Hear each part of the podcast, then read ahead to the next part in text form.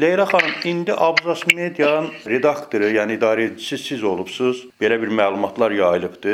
Bu nə dərəcədə həqiqətə uyğundur və belə görünür ki, Abzas Medianın redaksiya fəaliyyəti indi Almaniyadan idarə ediləcəkdir. Doğrudur bu? Bəli, bu doğrudur. Həbsdəki əməkdaşlarımızla yəni belə bir qərara gəldik ki, artıq fəaliyyəti bu istiqamətdə davam elətdirək.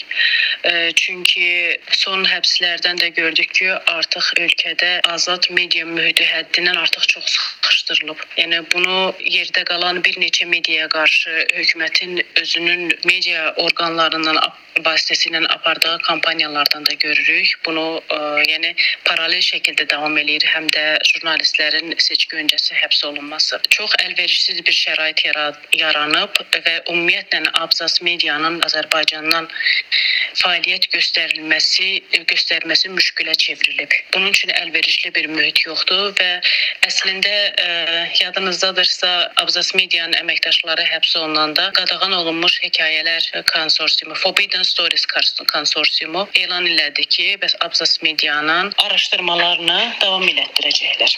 Bununla bağlı elə ilkin yazılar da, araşdırmalar, insan hüquqlarının pozulması ilə bağlı yazılar da elə dünən dərc olundu artıq Avropa mediasında və həm də bu elandan sonra belə qərara gəldik ki, artıq Abzas media burdan fəaliyyət göstərsə daha əlverişli olar bizim üçün. Çünki ə, biz ə, belə deyək, ehtiyatlı jurnalistika ilə məşğul olmaq istəmirik. Fəaliyyətinizi necə quracağınız? Bir də hansı media orqanlarında yayılma ilə bağlı razılığa gəlibsiz?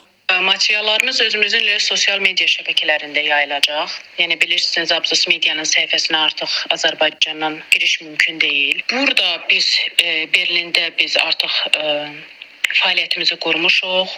Ofisimizi belə deyək, səpələnmiş şəkildə də olsa, ə, distant fəaliyyət göstərir, göstəririk.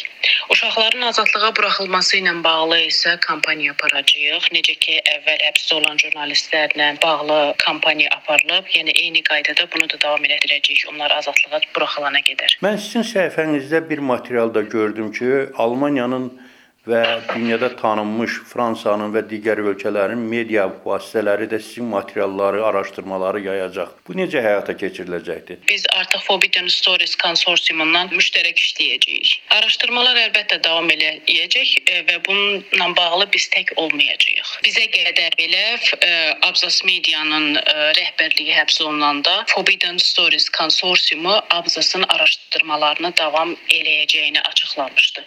Yəni bu mənada artıq Abzas tək deyil. Artıq Avropada tərəfdaşı olan xeyli sayda jurnalistlər və ə, media qurumları var.